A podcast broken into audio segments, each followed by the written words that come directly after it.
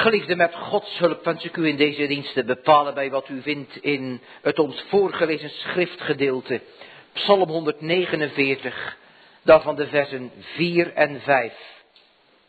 Onze tekstwoorden vindt u in Psalm 149, de versen 4 en 5. En daar lezen we Gods woord in onze tekst dan al dus.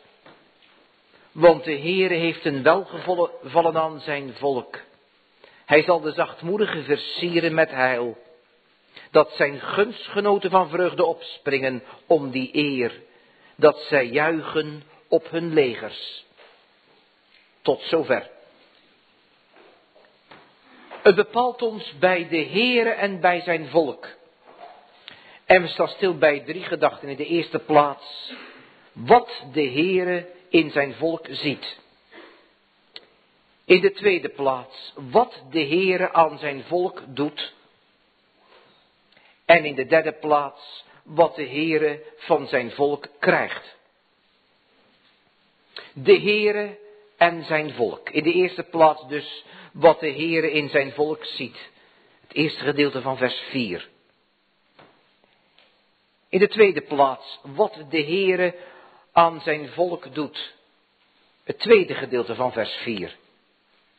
En tenslotte in de derde gedachte, wat de Heere van zijn volk krijgt, dat vinden we in vers 5. Lieve vrienden, het is duidelijk, er is een overwinning behaald. Ik spreek u over Psalm 149. En na een overwinning is het voorstelbaar dat je ook het overwinningslied zingt. Maar wat opvalt is al direct dat er geen reden wordt gevonden in krijgstactiek. Dat er geen reden wordt gezocht en gevonden in de sterke leider, de koning. Maar heel direct, er is maar één die de eer krijgt. Er is maar één die de eer ontvangt.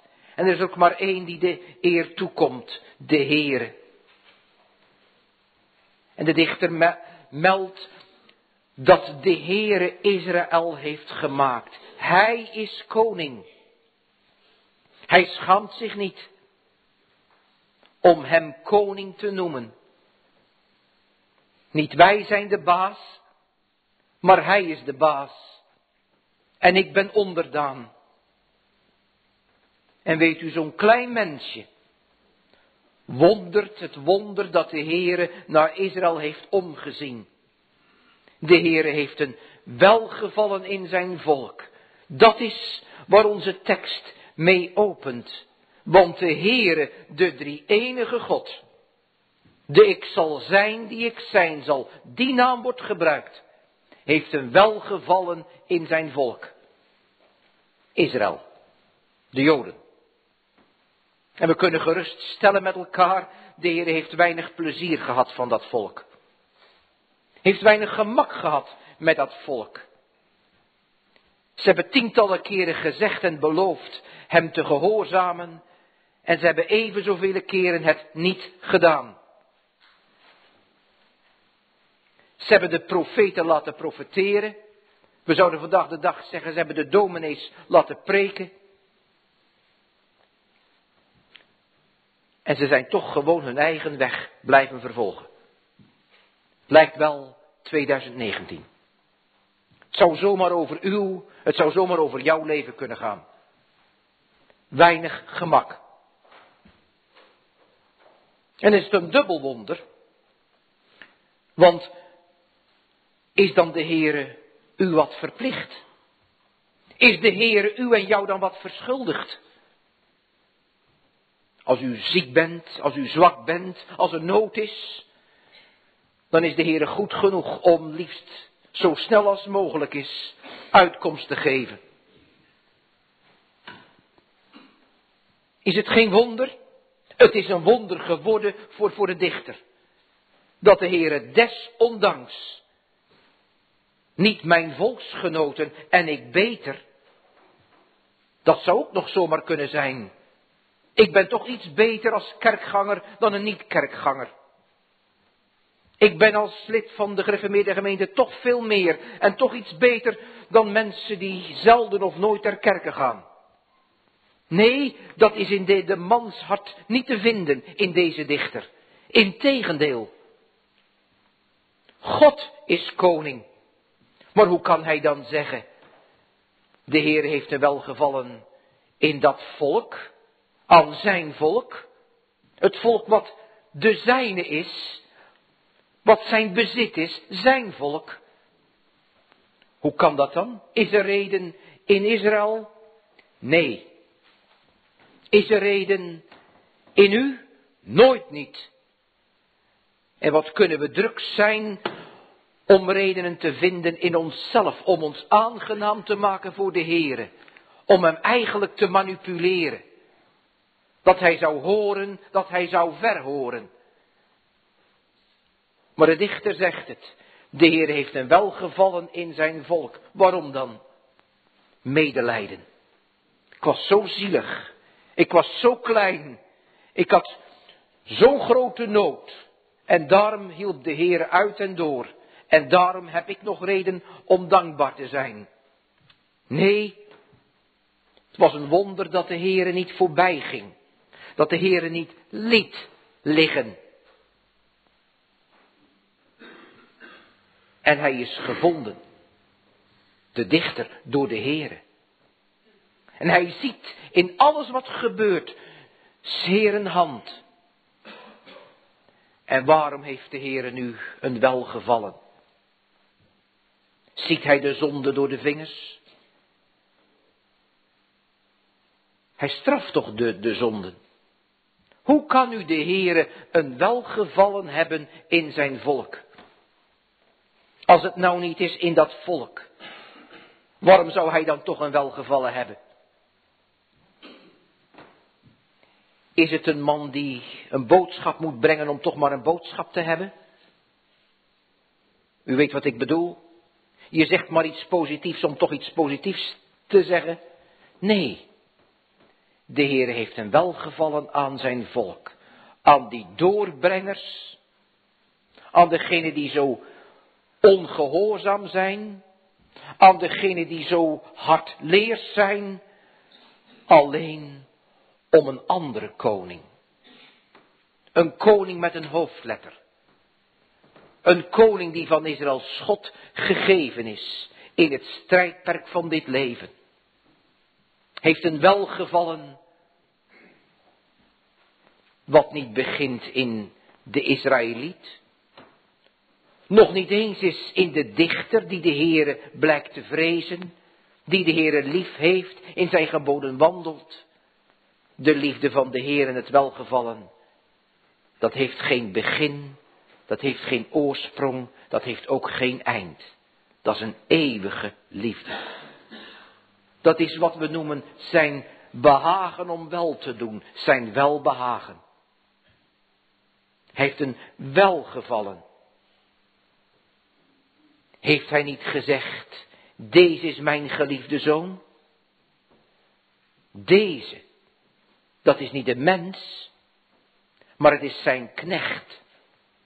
Deze, dat is geen schepsel, maar het is de eeuwige zoon. Deze is mijn geliefde zoon, in welke ik al mijn welbehagen heb.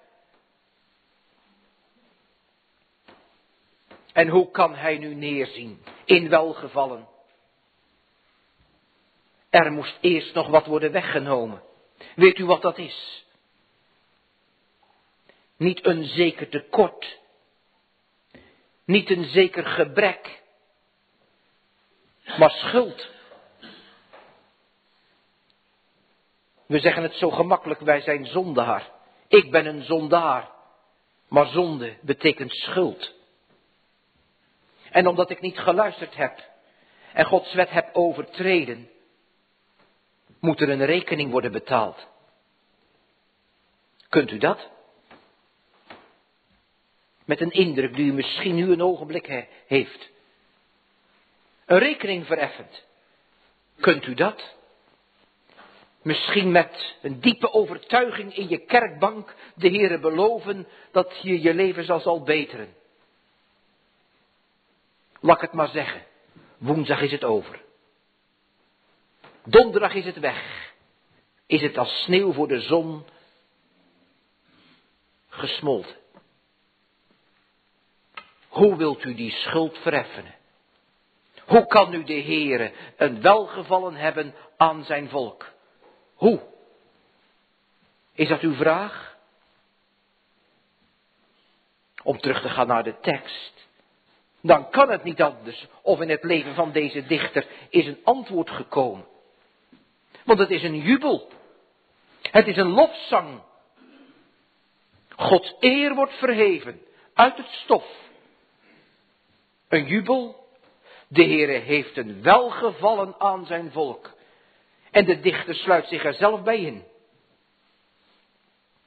Was hij zo gehoorzaam? Nee.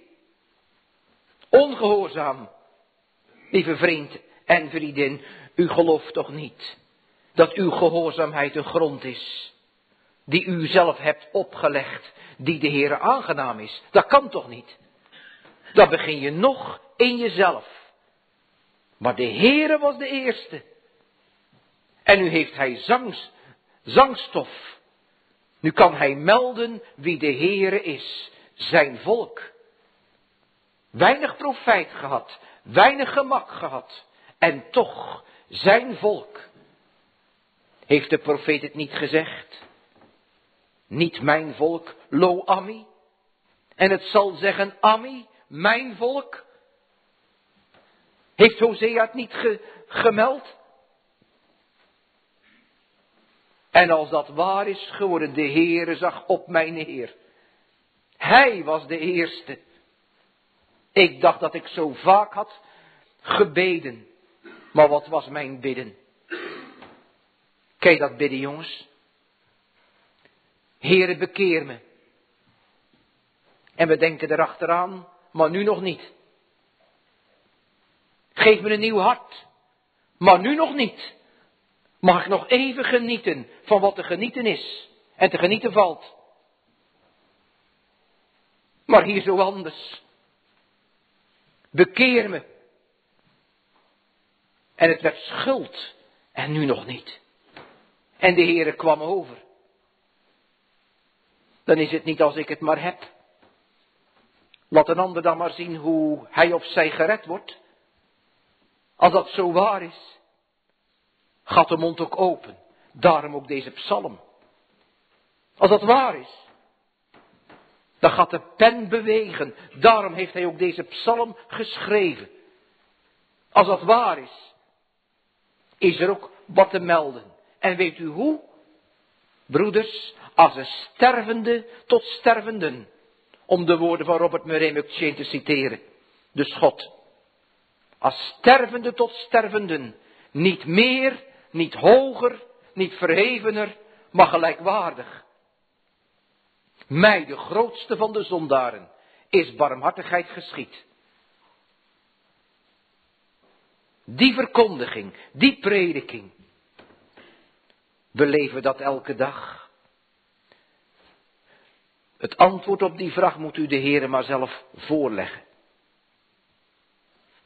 Maar spreek goed over de Heere en over zijn dienst. Over zijn koninkrijk. Niet wat mensen van dat koninkrijk maken, of wat u misschien zelf van dat koninkrijk voelt of vindt, dat is niet, niet belangrijk. Maar wat hij spreekt, wat hij zegt. En dat is nu wat de Heere in zijn volk ziet. Wat? En ik heb alle lek en ik heb alle gebrek.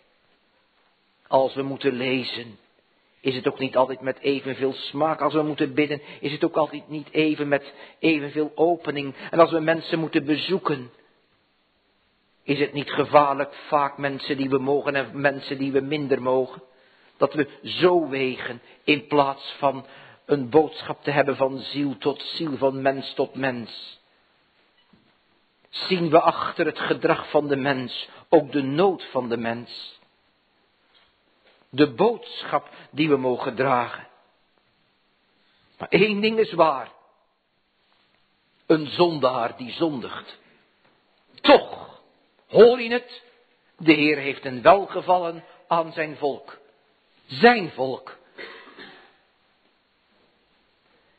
En als dat waar is, is er wel iets veranderd. Ervoor kan het zijn geweest. En dat voor mij, vraagteken. Maar als dit waar is wat hier staat en het is waar, is het en dat voor mij met een uitroepteken. Daar is de Heere geweest en hij heeft gesproken, helder en duidelijk. En dat om een koning die niet geacht werd. En dat om de knecht die bespot en gehoond werd, die gekruisigd werd. Maar die verrees ten derde dagen naar de schriften. Een dode zondaar. Werd het waar in uw leven.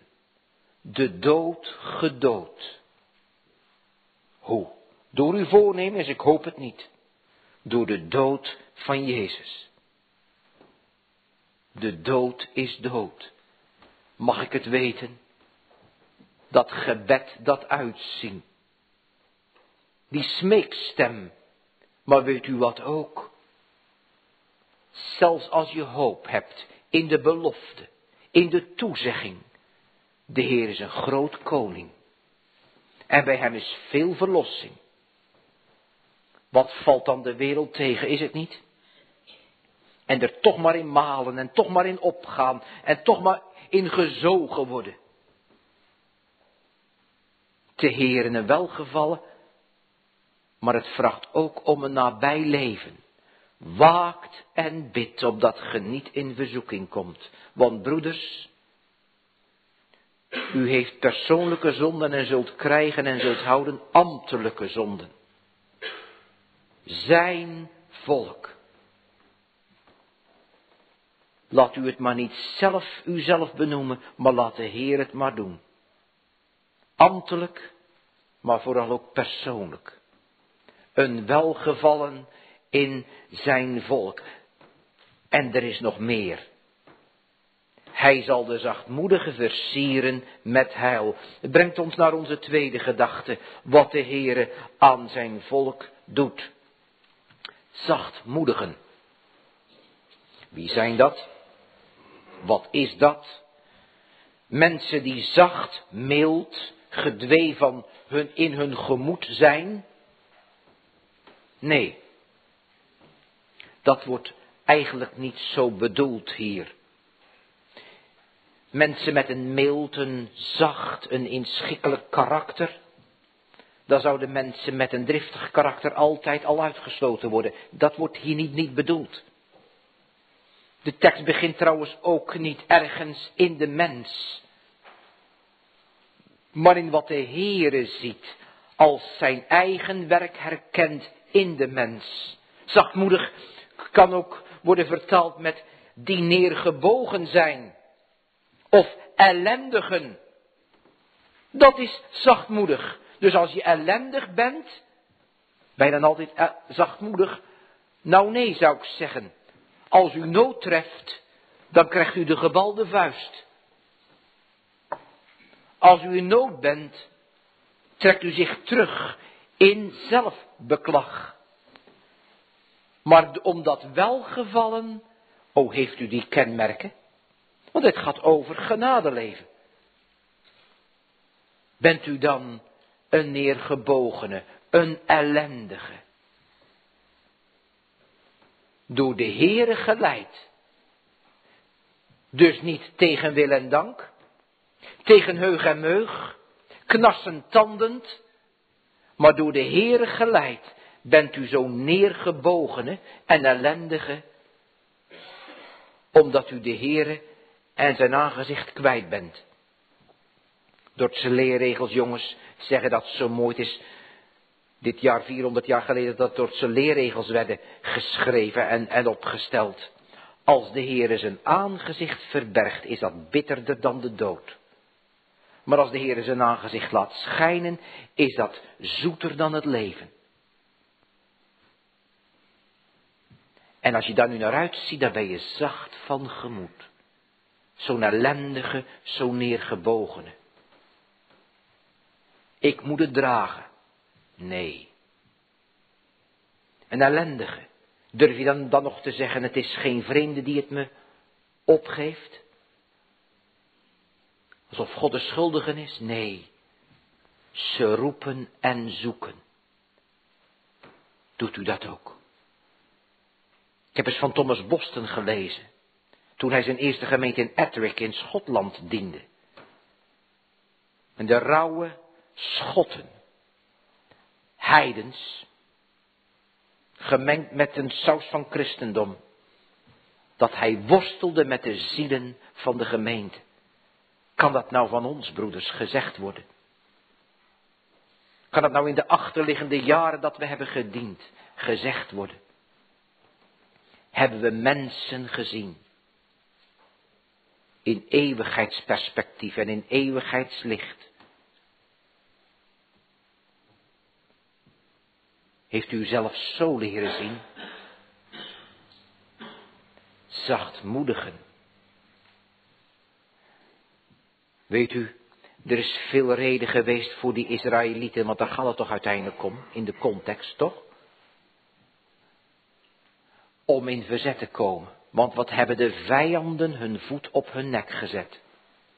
Wat zijn ze veel vernederd geweest? Wat hebben mensen soms kwalijk gesproken en kwalijk gehandeld? En wat meenden ze zelf maar het goede voor zichzelf te zoeken, voor eerherstel? Kan toch niet alles over je kant laten gaan, zeggen we dan? Was dat zachtmoedigheid? Wat heeft de Heer in mijn leven gezien? Het verzet daartegen. Mijn onverenigd zijn.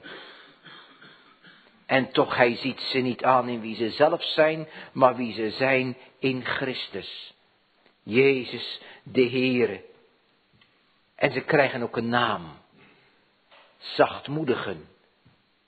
Eeuwen later heeft één met een hoofdletter gezegd, zalig zijn de zachtmoedigen, want ze zullen het aardrijk beërven. Als steelt de een, al vernedert de ander, ze zullen het aardrijk beërven. Hoort u het? Ze hoeven zichzelf niet zalig te maken, of zalig of het te worden. Ze worden zalig gesproken door, door de Heere.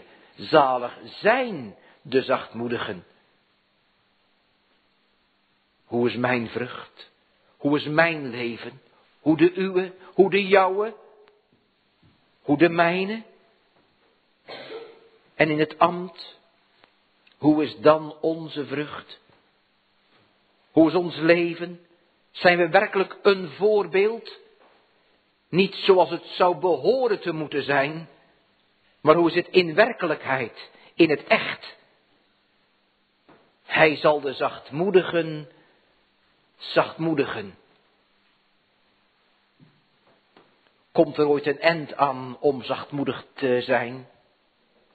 Komt er ooit een end aan om klein te zijn, om ellendig te zijn, om neergebogen te zijn?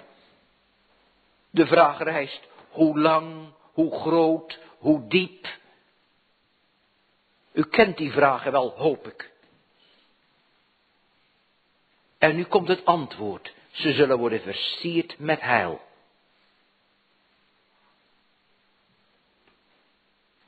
Moet ik u nog wat zeggen? Het woord heil is in het Hebreeuws, zoals u weet, de grondtaal van het Oude Testament, nauw verwant met de naam Jezus.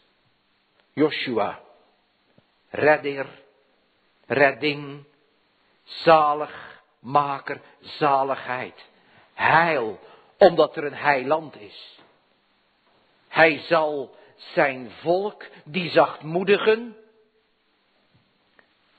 die vaak niet bezien dat hoe zachtmoedig ze zijn, omdat ze vaak zo hardvochtig zijn, zo rebels zijn, zo opstandig zijn, zoveel tekort hebben. Die zachtmoedigen kunnen ook weten dat ze van de Heere geleerd, dat ze van de Heere gekend zijn en onderwezen worden. Ze worden versierd met heil. Heil is dat iets dat je je zin krijgt. Je vraagt om, om, om heil en het heil is precies de definitie die u zelf eraan gegeven heeft. Nee, dat is geen heil. Dan zouden we God manipuleren met onze gedachten en onze invullingen. Nee, nee, nee. Het wordt een wonder. Maar heil hoeft niet te worden gedefinieerd door wat ik voel en wat ik denk en wat ik meen. Maar heil, dat wordt het wonder. Als hij zijn stem doet horen. Als die gezant en die uitlegger. Die één uit duizend. Ze worden versierd.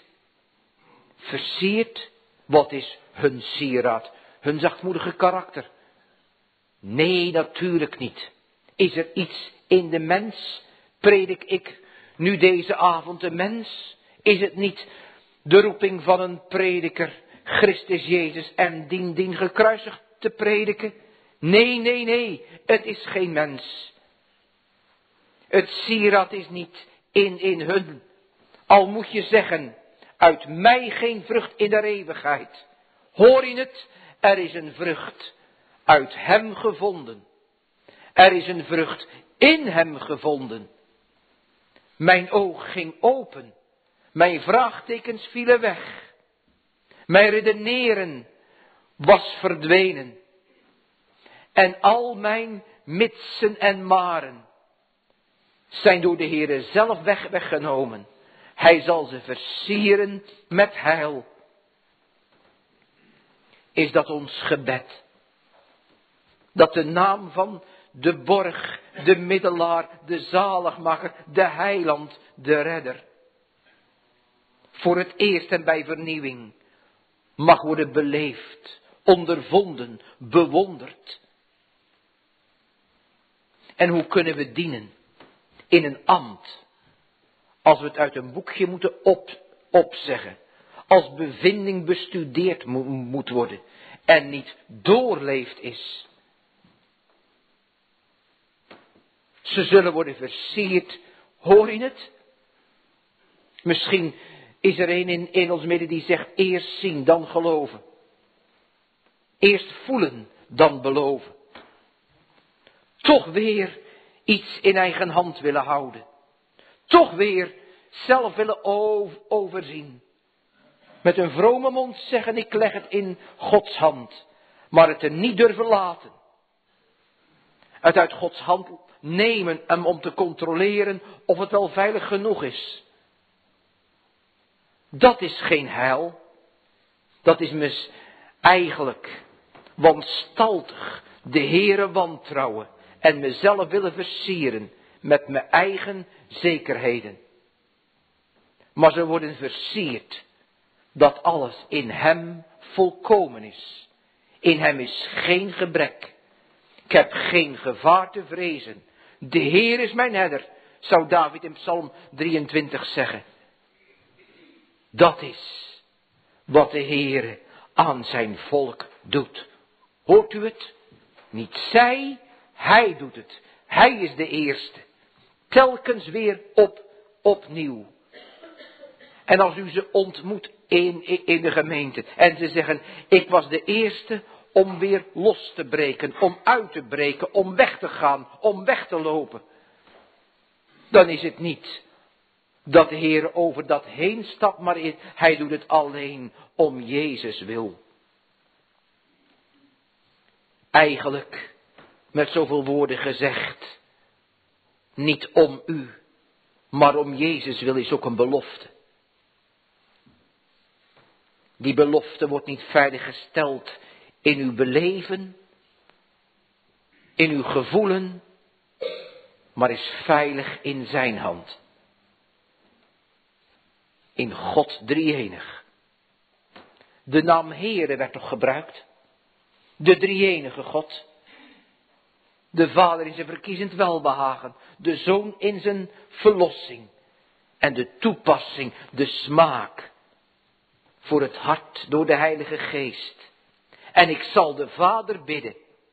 En hij zal u een andere trooster geven. Versieren. En die gekomen zijnde zal het uit het mijne nemen en u verkondigen. Wat uit Jezus is, verkondigen, brengen, planten in het hart. En dan is het waar. Misschien al zoveel bange tegenspoed. Nu je mag ademhalen. Een milde regen. Zond, Heer, op uw bezwijkend erfnis neer. Om sterkt aan haar te geven. Sterkt. Sterkte. Niet dat een zieke op mocht knap. Maar dat doden horen de stem van de zonen gods. Dat is heil. En ze zullen worden versierd met heil. De hamvraag intussen, de kernvraag ondertussen is. Bent u te goed om zo'n behoeftige te zijn? Bent u te hoog en te goed om een slechte te zijn? De kernvraag, de kardinale vraag is nu, wilt u geholpen worden door de Heer? Of durf je het niet te hopen? Wil het niet laten gebeuren? En als dat je schaamte is, kind van God. Als het je lek en gebrek is. Als de naam Heer er niet mee gemoeid was, het waren nog verloren. Maar het ligt vast. Op onwrikbare gronden. Het ligt vast in de doorboorde handen van de middelaar Gods en der mensen. Hij helpt ze. O, is het niet verwonderlijk, God die helpt in nood, is in Sion groot. Zachtmoedigen versieren met Jezus. Wat ken ik? Toen Kolbrugge de bekende prediker van Elbertsveld in Duitsland, in de streek van Woepertal, op zijn sterfbed werd gevraagd, wat ken ik ervan? Toen zei hij, ik geloof dat ik nog aan de bekering beginnen moet. Zo weinig weet ik. En die wist best wat hij gepreekt had. En die wist ook best dat zijn prediking zegen had gekregen. In zichzelf arm. Ja, een rijke Christus. Maar daartegenover een arme zondaar. Maar vaak is het wel zo helaas, ik wil wel een rijke Christus, maar ik wil niet de allerarmste zondaar zijn. Om dan voorbeeld te zijn in het midden van de gemeente. Amsdrager. Voorbeeld. Kan ik dat? Nee. Als het uit jezelf moet komen, is het maar een arm portie. Maar hij wil toch versieren. En als hij versiert, is handel en wandel, woord en daad, een versiering van dat heil, wat eigenlijk heen wijst naar Christus, de gezalfde. Waarom wordt ge een christen genaamd? Dat ge de zalving deelachtig bent van de Christus. Dat heil wordt hier in onze tekst bedoeld. Ben ik nog te goed? En hebt ellendige dat land, bereid door uw sterke hand. Dat is wat hij meldt. Die koning, die gegeven is, Israëls koning. Dat is wat hij, waar hij naar heen wijst. Dat is de vervuller. Dat is de rots. Vriend, vriendin, wat is uw leven? Wat is jouw leven? Hoe is de mijne? Met wat bent u versierd? U rent van de ene wolk naar de ander, van de ene zeep- en luchtbel naar, naar de volgende. Er rust nog vrede wordt niet gevonden. Wel, er is er nog één uit Israël die tot inkeer kwam. En in openbaring lezen we, het is er niet één, maar een schar die niemand tellen kan. die zegt, de Heere is, is koning. En er is heil. Niet alleen dat er heil is, maar het heil wordt ook geproefd. Het heil wordt ook gesmaakt. Je kunt het ook als het ware ruiken. Daar is heil. Dat is de volheid. Waarvan Johannes heeft gezegd in het eerste hoofdstuk. En wij hebben zijn heerlijkheid aanschouwd. De heerlijkheid als van de enige geborene van de Vader. Vol van genade en vol van waarheid. En er is nog meer.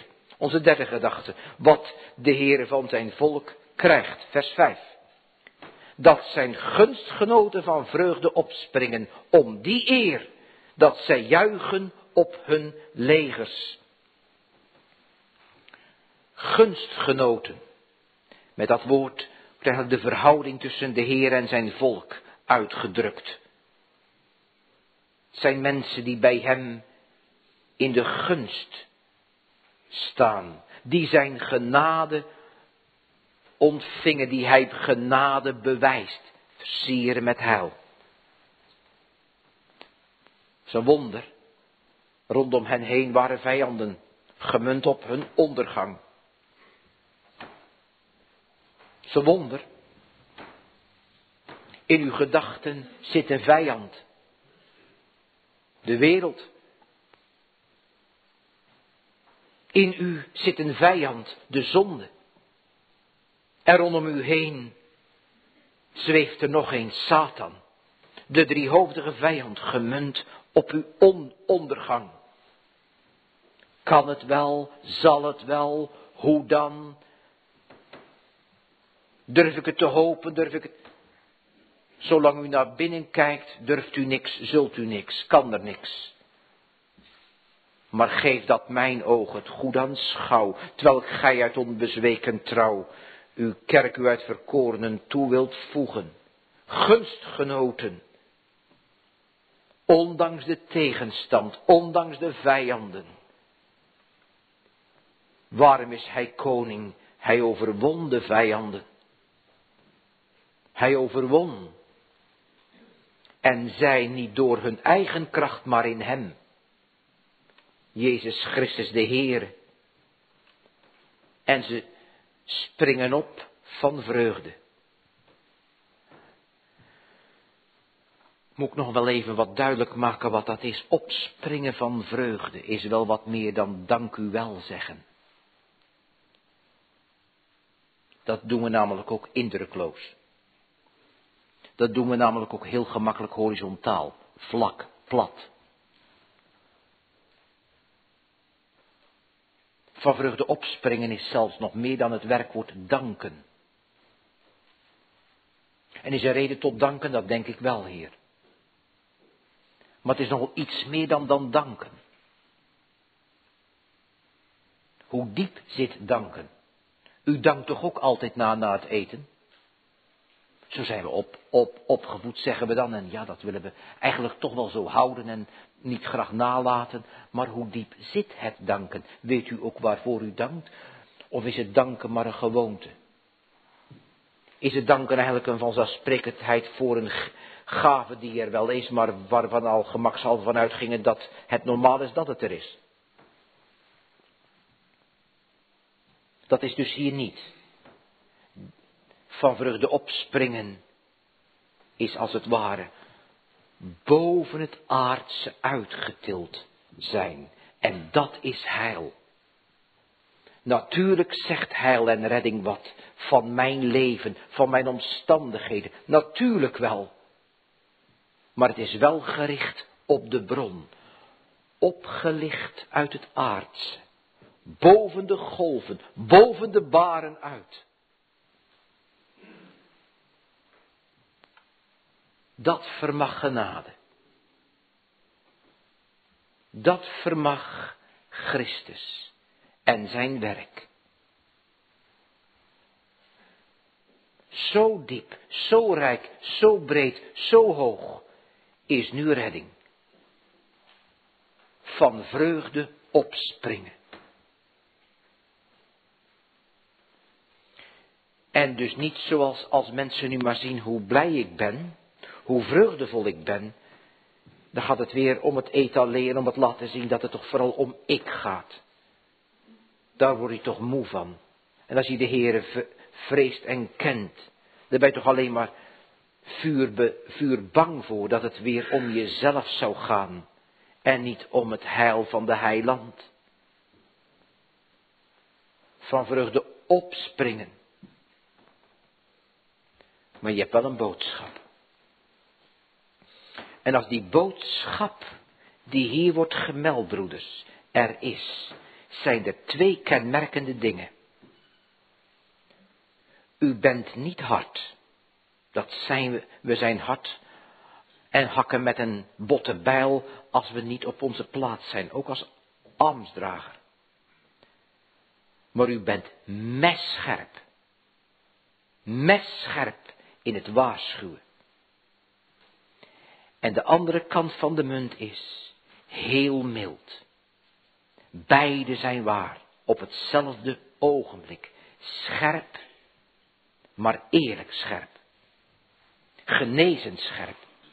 En ook gunnend. Gunnend. Als het voor mij kan, dan kan het voor, de, voor iedereen. Daar sta je niet boven de mens, maar daar sta je naast de mens. En niet omdat dat moet, maar zonder dat je er soms zelf erg in hebt. Eerlijk, oprecht scherp. En eerlijk en oprecht mild en gunnend. En weet u, gemeente van Enter, als u dat tegenkomt, als snijdt het in uw eigen vlees, zult u nooit over de roepstem leven, maar bidden, zo doe God ook aan mij. Zo doe gij ook aan mij, Heer. Want daar wordt iets gevonden. Soms mogen we het beleven en, en smaken, soms ook niet. De Heere weet dat wankele evenwicht het beste, opdat ik mij niet zou verheffen. Zoveel kruis, opdat ik mij niet verheffen, en zoveel bemoediging dat ik niet bezwijk. De balans weet er maar één. Dat is de Heere God. Dat weet ik, ik niet maar van vruchten opspringen. Terwijl, en we lezen het toch echt goed, om die eer dat zij juichen op hun legers. Legers betekent bed. Terwijl we soms een nacht wakker liggen, wat heb ik toch gezegd, ik had moeten zwijgen. En ik heb gesproken dwaas. Ik heb gesproken en ik had beter mijn mond gehouden geluisterd. Soms huil ik vanwege de hardheid, de onbewogenheid. Soms kunnen we ons werk zo technisch perfect proberen te doen, zonder dat we de mens achter het gedrag wat ze vertonen zien. Maar hier is het anders. Hier maakt de Heere ze s'nachts wakker en springen ze op van, van vreugde. Ik zal zijn lof zelfs in de nacht zingen, daar ik hem verwacht, en mijn hart, wat mij mocht treffen, tot de God mijns levens heffen. Opspringen van vreugde. Opspringen. En er is nog iets in. Gemeente. Mag dat nou de vrucht zijn van de ambtelijke bediening? En als prediker, als, als uw consulent, zeg ik door de dwaasheid der prediking heen. En uw broeders moeten zeggen, ondanks ons. Mag dat nou de vrucht zijn op de verkondiging, op de prediking? Een vrucht die ook nog uitziet. Hoe lang spring ik op van vreugde? Als de Heer heel krachtig nabij is, kan het een poos duren hoor. Maar het ebt weer weg. Maar eens opspringen van vreugde. Want vrome volk in u verheugd, zal huppelen van zielenvreugd, daar zij hun wens verkrijgen. En eens hun blijdschap zal dan onbepaald door het licht dat van zijn aanzicht straalt, ten hoogste toppend stijgen. Dat zijn die vreemdelingen hier beneden. Wij hebben hier geen blijvende stad, maar wij zoeken de toekomende. Hoe kan dat toch? En dan weer dat wonder, de Heer heeft een welgevallen aan zijn volk. Welke eer ontvingen ze ook alweer? Middelste woord in vers 5. Om die eer opspringen. Dat hij op mij neerzag. Dat hij de eer herstelde voor een eerover. In degene die Gods eer heeft gehandhaafd tot aan het kruis van Golgotha toe. En opspringen. Dat is meer dan wat de aarde, de wereld u ooit bieden kan. Met mensen valt u vierkant om, maar met de Heer komt u nooit beschaamd uit. En eens volkomen zullen ze zingen met de psalm. De Heer is mijn sterkte en psalm, want Hij is mij tot heil geweest. Amen.